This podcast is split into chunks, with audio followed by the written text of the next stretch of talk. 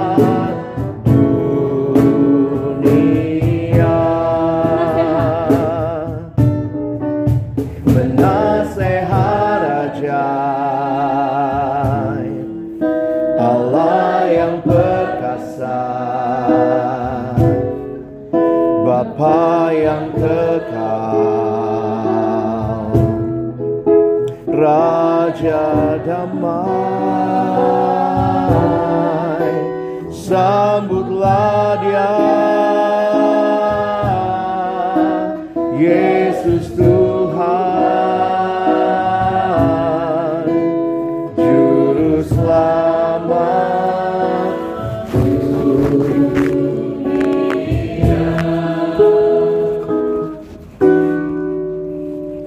Mari kita satukan hati kita berdoa sebelum membaca merenungkan firman Tuhan.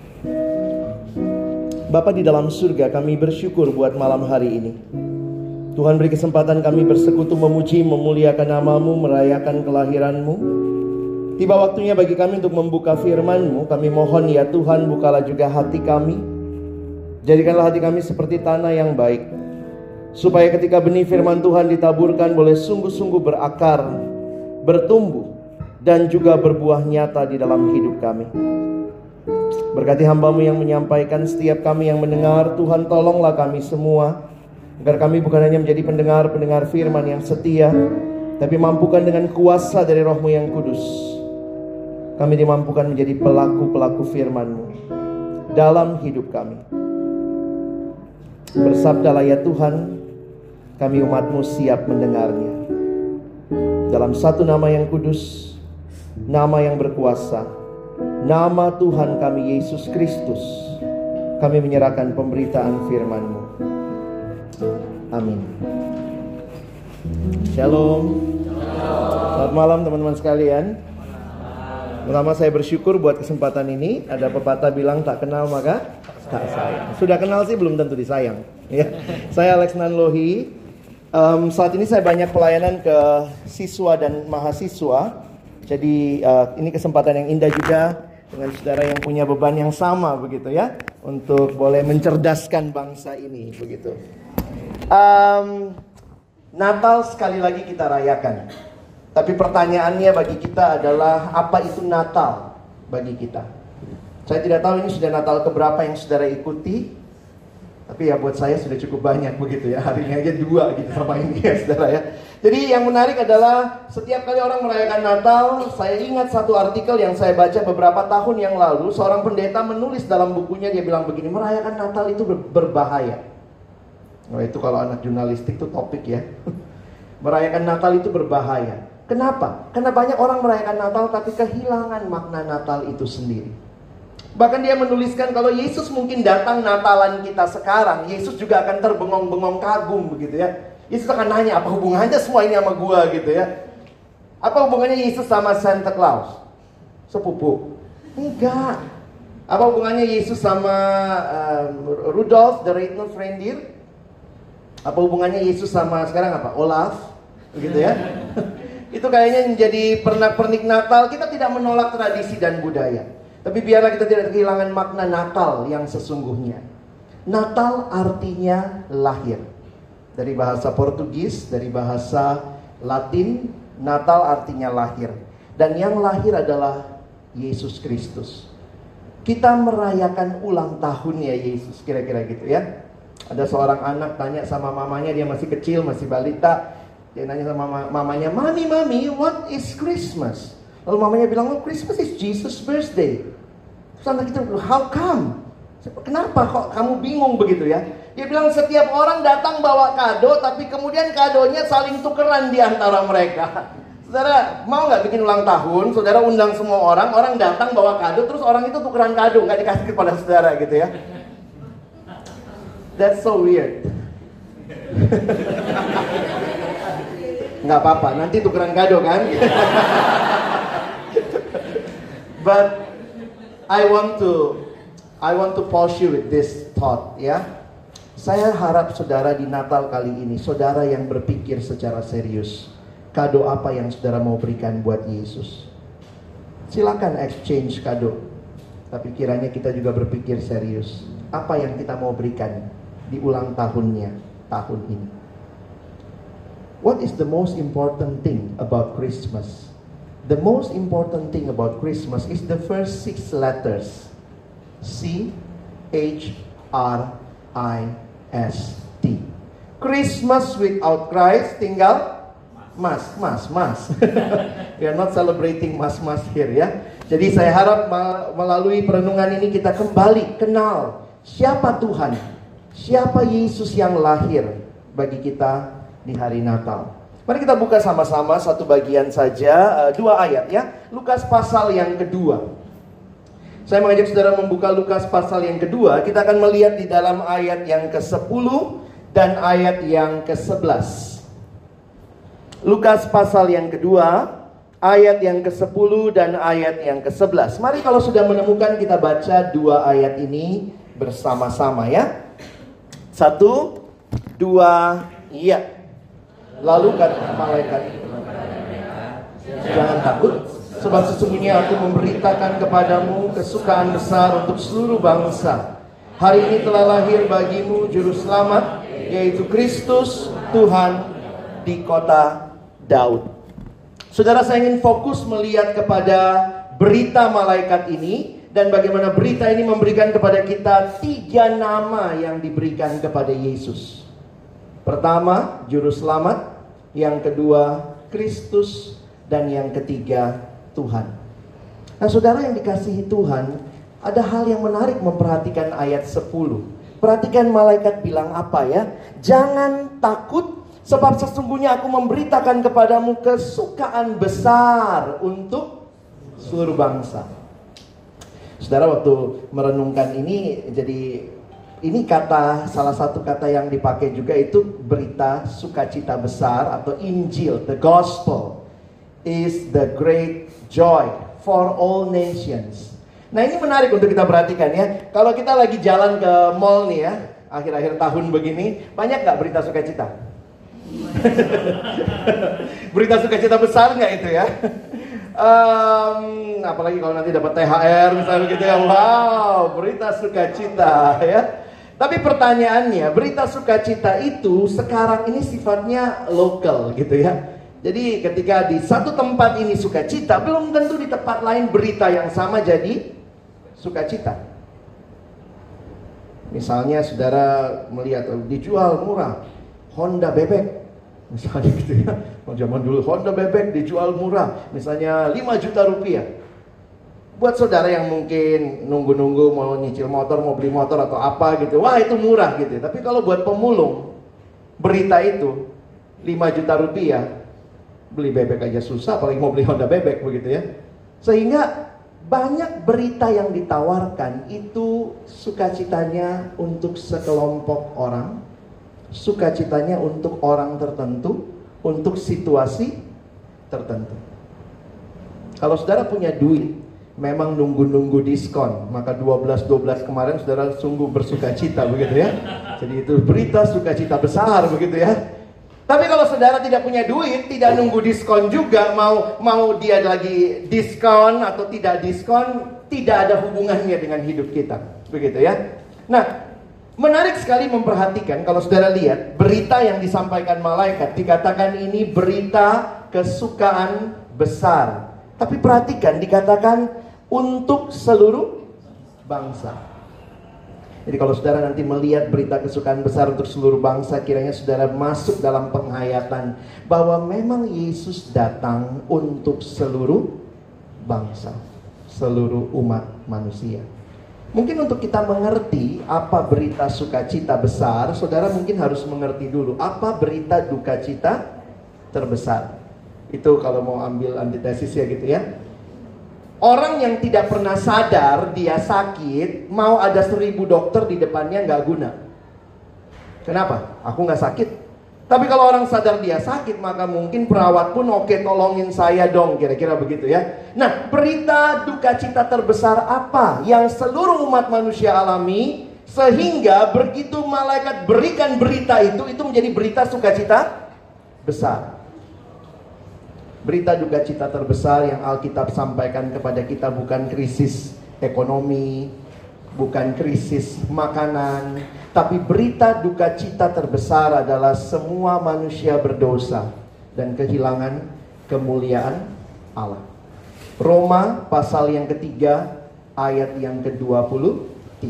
Semua manusia berdosa, tidak pandang bulu, tidak bisa bilang, oh dia pintar, nggak berdosa. Ini karena goblok, pendidikan rendah, maka dia lebih berdosa. Justru, kalau orang cuma pintar, dosanya juga pintar ya. gitu ya. Saya kaget juga tuh baca berita ya. Uh, apa? Pembobol kartu kredit. Itu ternyata waktu itu mahasiswa S2 salah satu PTS di Jogja. Dia bisa bobol kartu kredit, dia bisa hack begitu rupa. Kenapa? Dia pintar. Jadi akhirnya saya mengerti bahwa semua manusia berdosa, bahkan orang pintar yang tidak bertobat, tidak menyerahkan hidupnya kepada Tuhan, maka dia akan pakai kepintarannya merusak orang lain. Jadi barang dikirim ke rumah dia, tagihan ke rumah orang ya. Dia bobol kartu kredit begitu. Makanya saya melihat kalau saudara cuma pintar saja, sebenarnya itu bisa jadi berita duka cita terbesar juga. Orang pintar dosanya pintar. Kalau orang pintar dosanya masuk mana tuh? Mungkin kalau yang agak saya nggak membedakan dosa pakai level ya, tapi misalnya kalau dia misalnya lulusan TK, jebolan TK, dosanya apa? Dosa maksimalnya nyolek anak Pak Pak RT gitu ya, bacok teman gitu ya, itu masuknya pos kota. Kalau yang koruptor-koruptor S2, S3 masuknya kompas. Agak elit aja bedanya ya. Tetapnya dosa ya. Saya lucu kalau lihat orang di KPK begitu ya. Uh, kalau koruptor ketangkep tuh kayak selebriti ya. Dada-dada ditunggu sama wartawan di depan minta statement gitu ya. Beberapa kali saya pelayanan uh, mengisi ibadah di KPK. Ada beberapa tawanan tahanan juga yang biasanya ikut kebaktian gitu kalau pas mereka Kristen. Oh ada juga loh banyak juga Kristen ya. Jadi betulnya ups tahanan di belakangnya karena mereka pakai rompi. Jadi teman-teman berita duka cita terbesar itu adalah semua manusia berdosa. Dan karena itu berita sukacita terbesar adalah seorang bayi telah lahir. Ada tiga nama yang diberikan pada Yesus. Perhatikan yang pertama. Dia dikatakan dia juru juru selamat. Nah ini memang Alkitab kita tahun 74. Alkitab itu memang sulit sekali untuk direvisi karena pasti masalah dana, masalah uh, pembahasannya. Jadi memang kalau kalian lihat khususnya yang ngerti bahasa Indonesia kan itu bukan kalimat itu terjemahan EYD-nya 74. Di Alkitab sorga apa surga? Ini orang ruang guru harus tahu ya. Sorga apa surga, Bapak Ibu? Sorga, itu di Alkitab. Tapi bahasa Indonesia yang baku? Surga. Lobang atau lubang? Lubang. Yesus mengorbankan diri atau mengorbankan diri? Nanti Alkitab kita yang berikutnya dalam terjemahan yang baru ada perbedaan karena yang tepat itu mengorbankan diri mengorbankan bahasa Indonesia korban itu victim. Yesus is not victimized gitu ya. Dia nggak ke dia nggak nggak kejebak jadi korban. Dia mengorbankan dirinya. Kurban is sacrifice. Memang ada yang bilang ya bahasa Indonesia menolong kita mengerti dua-duanya ya. Yesus juga kan korban sebenarnya ya, korban sejarah tapi pada saat yang sama dia mengorbankan diri. Jadi memang agak unik ya apa itu juru selamat? Ayo, orang ruang guru, apa itu juru selamat? Saya waktu kecil, karena kebanyakan nonton film kungfu kali ya, saya pikirnya Yesus jurus. Kan ada tuh jurus bangau, jurus uh, elang. Nah, Yesus tuh jurus selamat. Kalau nanti lihat Alkitab bahasa Indonesia yang uh, terjemahan baru itu hanya menggunakan satu istilah, penyelamat, savior. Nah ini tahun 74 artinya juru. Menarik juga di depan kata selamat, juru selamat itu menunjukkan orang yang paling ahli. Dalam hal selamat menyelamatkan dia yang paling ahli ya. Jadi yang datang itu juru selamat. Kenapa? Karena realita manusia hidup di dalam dosa. Karena itu ketika juru selamat itu datang, coba lihat Matius 1, 21. Coba lihat sebentar. Matius 1 ayat 21. Mari kita baca ayat ini. Matius 1 ayat 21. Ini kalimat malaikat ketika menampakkan diri kepada Yusuf di dalam mimpi. Ya, malaikat bilang sama Yusuf, "Jangan ceraikan Maria." Ya, kita baca 21. Satu dua ya. Ia akan melahirkan anak laki-laki dan engkau akan menamakan dia Yesus karena dialah yang akan menyelamatkan umatnya dari dosa mereka. Ketika kita melihat Yesus yang datang dan kedatangannya membawa keselamatan, kelepasan atas dosa. Harusnya orang yang merayakan Natal itu siapa, saudara? Apakah Natal perayaannya orang Kristen saja? Harusnya Natal dirayakan oleh seluruh manusia berdosa. Karena untuk itu Yesus datang. Yesus tidak pernah datang dari surga, turun ke dalam dunia pakai papan besar. Maaf untuk kalangan sendiri. Kita bikin papan itu. Tidak ada seperti itu. Harusnya Natal menjadi berita sukacita bagi semua manusia berdosa. Inilah berita sukacita itu. Dosa begitu mengerikan. Tapi Kristus datang supaya saudara dan saya bebas dari dosa, diselamatkan. Tadinya dosa membawa binasa.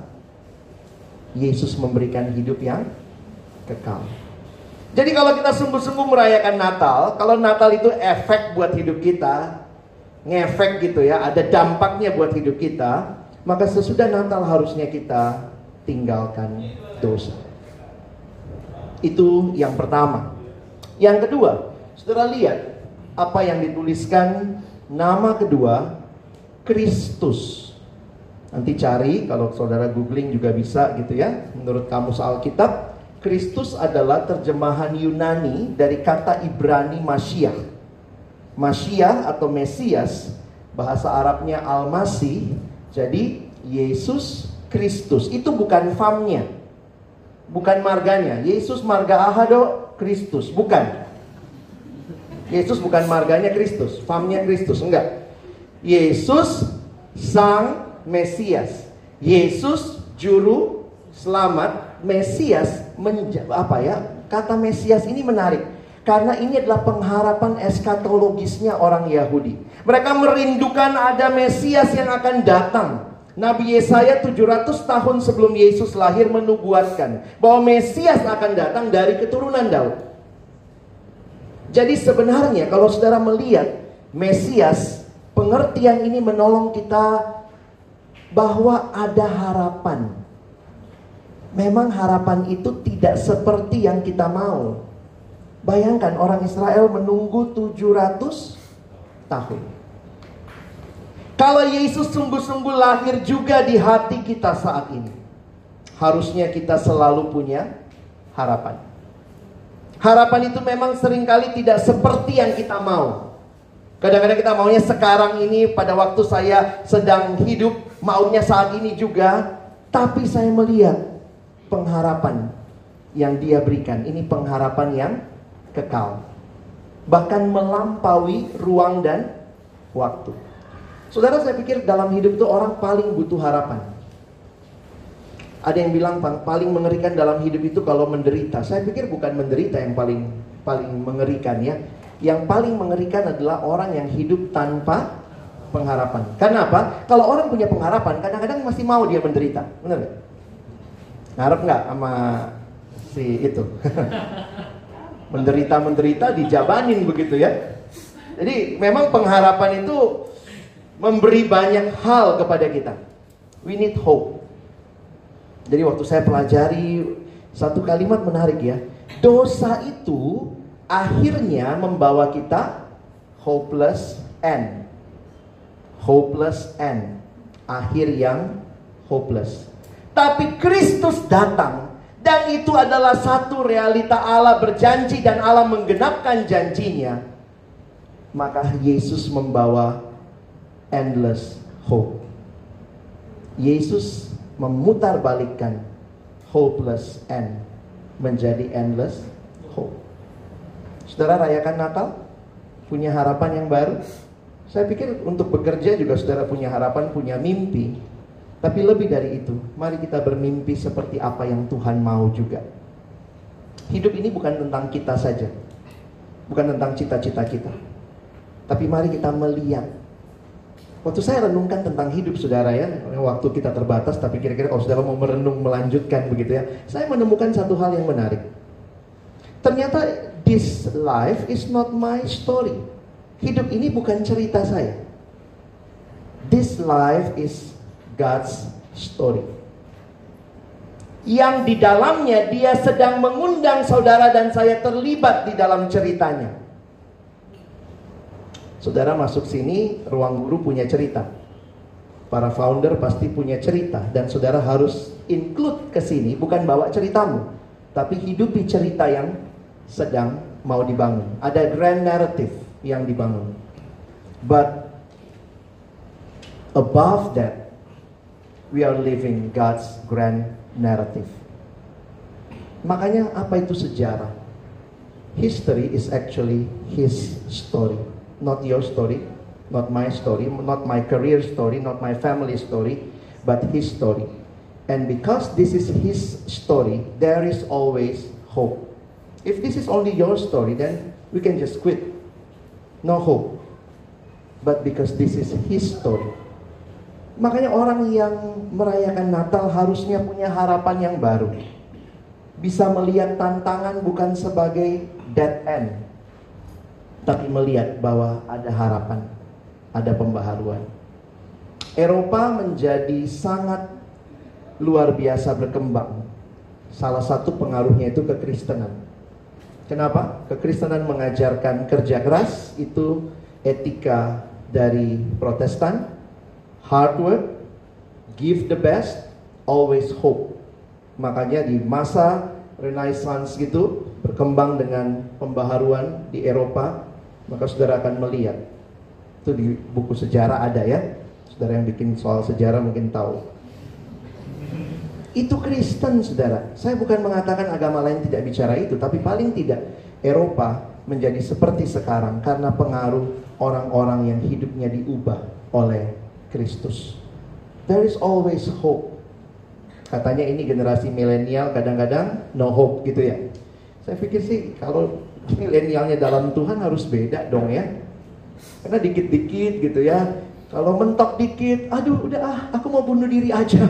Saya tuh banyak layani anak-anak remaja begitu ya. Pinter-pinter luar biasa. Tapi kalau DMIG, kak, saya mau bunuh diri kak. Saya, saya bilang, ini ngapain kasih tahu gitu ya, mau konsultasi. Gimana cara yang bagus. Tadi pagi lagi ya. Ini bukan ngomongin orang, tapi saya kasih cerita lah ya. S2 dari universitas terkenal di luar negeri pulang jadi dosen perempuan usia makin bertambah sudah mulai 30-an takut sekali tidak punya pasangan hidup. Tadi malam pasangannya jadi mereka sudah deket sejak bulan apa tadi pagi dia bilang ya? Ini baru 4 bulan lah. Tiba-tiba tadi malam pria itu memutuskan hubungan.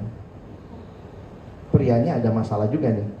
Karena prianya ini bilangnya saya telepon kamu tidak nyambung-nyambung padahal pure connection. Karena dia kam, apa kampusnya itu di tengah hutan gitu ya. Gak usah ditebak-tebak ya. Jadi karena kampusnya di tengah hutan dia bilang saya nggak telepon siapa-siapa, kamu pasti telepon cowok lain. Terus kemudian tadi malam diputuskan. Tadi pagi setengah enam pagi, bang bisa saya telepon saya udah baca WA-nya maksudnya saya belum read gitu ya malah kan kebaca juga kan kalau kita gini ya angkat gak ya? Terima gak ya? Terima gak ya? Gila setengah enam gue aja masih. Makanya tadi pagi saya nggak tahu berapa lama dia udah pacaran gitu ya. Tapi saya waktu ngeliat iya ya. Saya bilang kenapa kamu hopeless banget? Nggak tahu bang. Doakan saya. Jadi tadi pagi saya berdoa di telepon. Tapi bagi saya saya melihat begini ya. Saya bilang sama dia juga tadi pagi kalau dia orang yang begitu cepat menyerah hanya karena teleponnya tadi malam tidak nembus uh, poor connection itu, lalu dia putuskan kamu, jangan-jangan memang bukan dia orang yang tepat buat kamu. Apa yang sama cowok yang gak berjuang? Wih, gitu ya? Bener gak? Bener gak? Bener gak?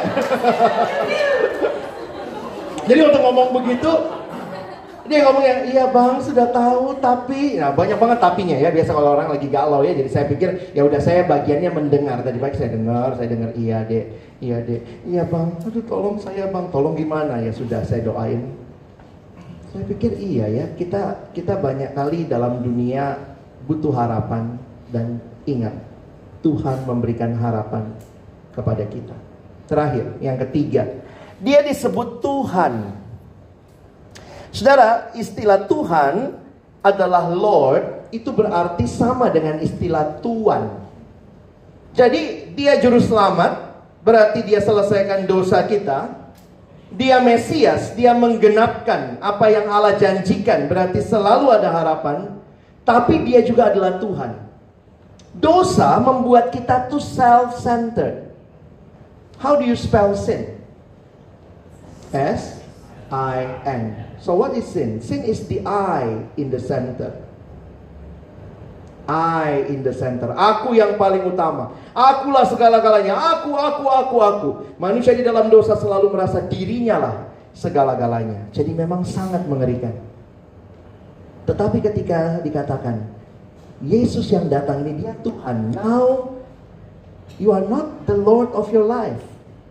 You have another Lord. So merayakan Natal, kita harus berpindah dari eh, self-centered menuju God-centered. Ini hidup yang mengalami Natal. Saya tidak tahu bagaimana saudara mengaplikasikan hal ini, tapi kadang-kadang memang kita ini sombongnya luar biasa. Itulah manusia, selalu merasa segala-galanya. Karena dalam dosa, kitalah segala-galanya.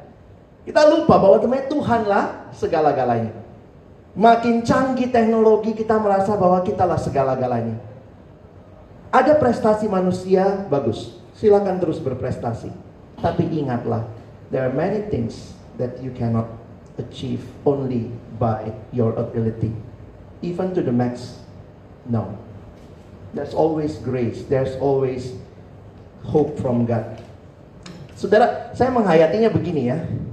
Ini kadang-kadang kayak manusia, ada yang ngekos di sini? Ada lah ya, tampang-tampang yang kos kelihatan gitu ya. Terawat nggak terawat itu ya. Coba kalau misalnya ini ini um, try to imagine, do not try this at home ya. Saudara, uh, orang kalau ngekos biasanya ngekos berapa kamar? Satu ya. Ada yang sampai ngekos tiga kamar gitu. Satu kamar sepatu, satu kamar baju. Kontrak mendingan ya. nah ini try to imagine like this gitu ya. Saudara nggak apa ngekos satu kamar, lalu malam-malam saudara keluar dari kamar kos saudara, keluar dari kamar kos lalu biar agak seru tunggu jam 12 kali ya. Lalu saudara kasih announcement. Pas jam 12 Hai semua penghuni kos. Tunggu sampai mereka keluar semua. Uh, datang datang datang. Ada apa nih ada apa nih sudah kumpul semua? Saya mau kasih pengumuman. Apa itu? Saudara-saudara, mulai malam ini, kosan ini punya saya. Kira-kira kalau saudara melakukan itu, saudara pasti dibilang, Oke, grogol dekat. Silakan. Ini rumah sakit jiwa masih sana. Mendengar begitu, ibu kosnya datang juga malam-malam. Ada apa nak? Ada apa? Tante pemilik kos. Kenapa? Saya baru kasih pengumuman tante. Dua menit yang lalu. Apa itu? Mulai malam ini tante. Kosan ini punya saya. Pasti ibu kos juga bilang kamu gila. Gila. Dan puncak kegilaanmu malam itu kau bilang mulai malam ini tante keluar dari sini Logis nggak ceritanya? Siapa yang boleh ngusir? Yang punya kos apa yang ngekos? Gimana mana yang punya kos dong ya? Jadi nggak logis ceritanya ya. Tapi bukankah itu dosa? Uh, kita ini ciptaan Tuhan, lalu Tuhan cipta semua. Itu kan penghayatan kita. Kalau Tuhan cipta semua, berarti siapa yang punya semua ini? Tuhan. Siapa yang punya diri saudara? Hmm, terus saudara bilang apa? Ini semua punya saya. Tuhan dari surga ini gila.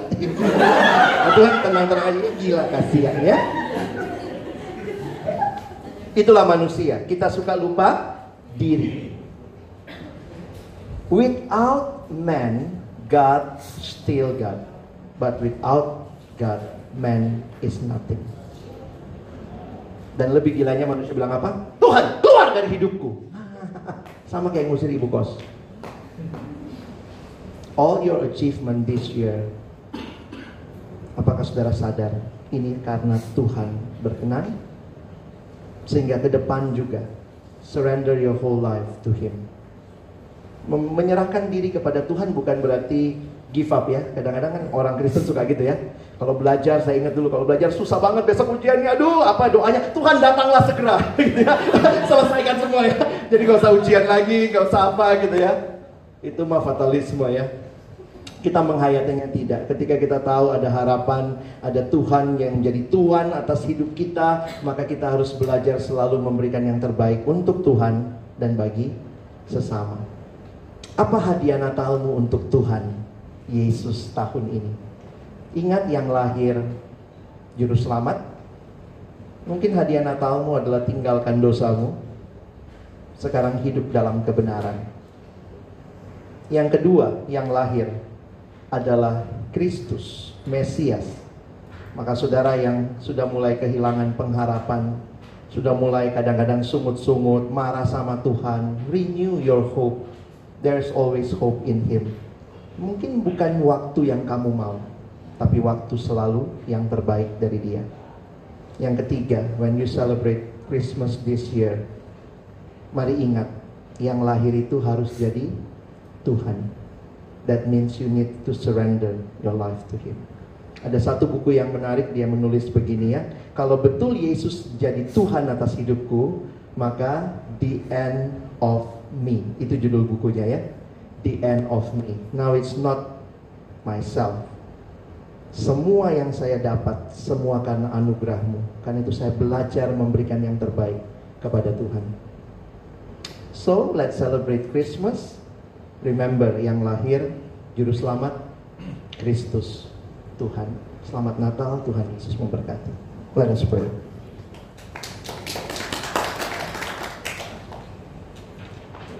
Bapa di dalam surga, Natal harusnya menjadi bukan sekadar perayaan, tapi sungguh-sungguh Natal menjadi perubahan bagi hidup kami. Natal bukan sekadar kami menikmati banyak makanan, tapi Natal kami juga belajar berbagi satu sama lain. Natal bukan sekadar kami menjadi fokusnya, tapi Natal harusnya Engkau Tuhan yang jadi segala-galanya. Tolong kami menyerahkan seluruh hidup kami kepadamu, sehingga kehadiran kami di sini juga boleh menjadi kehadiran yang berdampak. Kehadiran orang yang hidup dalam kebenaran, bukan dalam dosa. Kehadiran orang-orang yang selalu punya harapan, karena itu kami boleh terus maju. Dan kami jadi orang-orang yang tidak menyombongkan diri, tidak merasa diri kami segala-galanya, tapi selalu belajar rendah hati, memberi yang terbaik kepada Tuhan dan sesama. Terima kasih untuk kesempatan kami merenungkan firman-Mu. Tolong kami, bukan cuma jadi pendengar firman yang setia. Kami mau jadi pelaku-pelaku firman-Mu. Terima kasih, dalam nama Yesus kami bersyukur. Amin.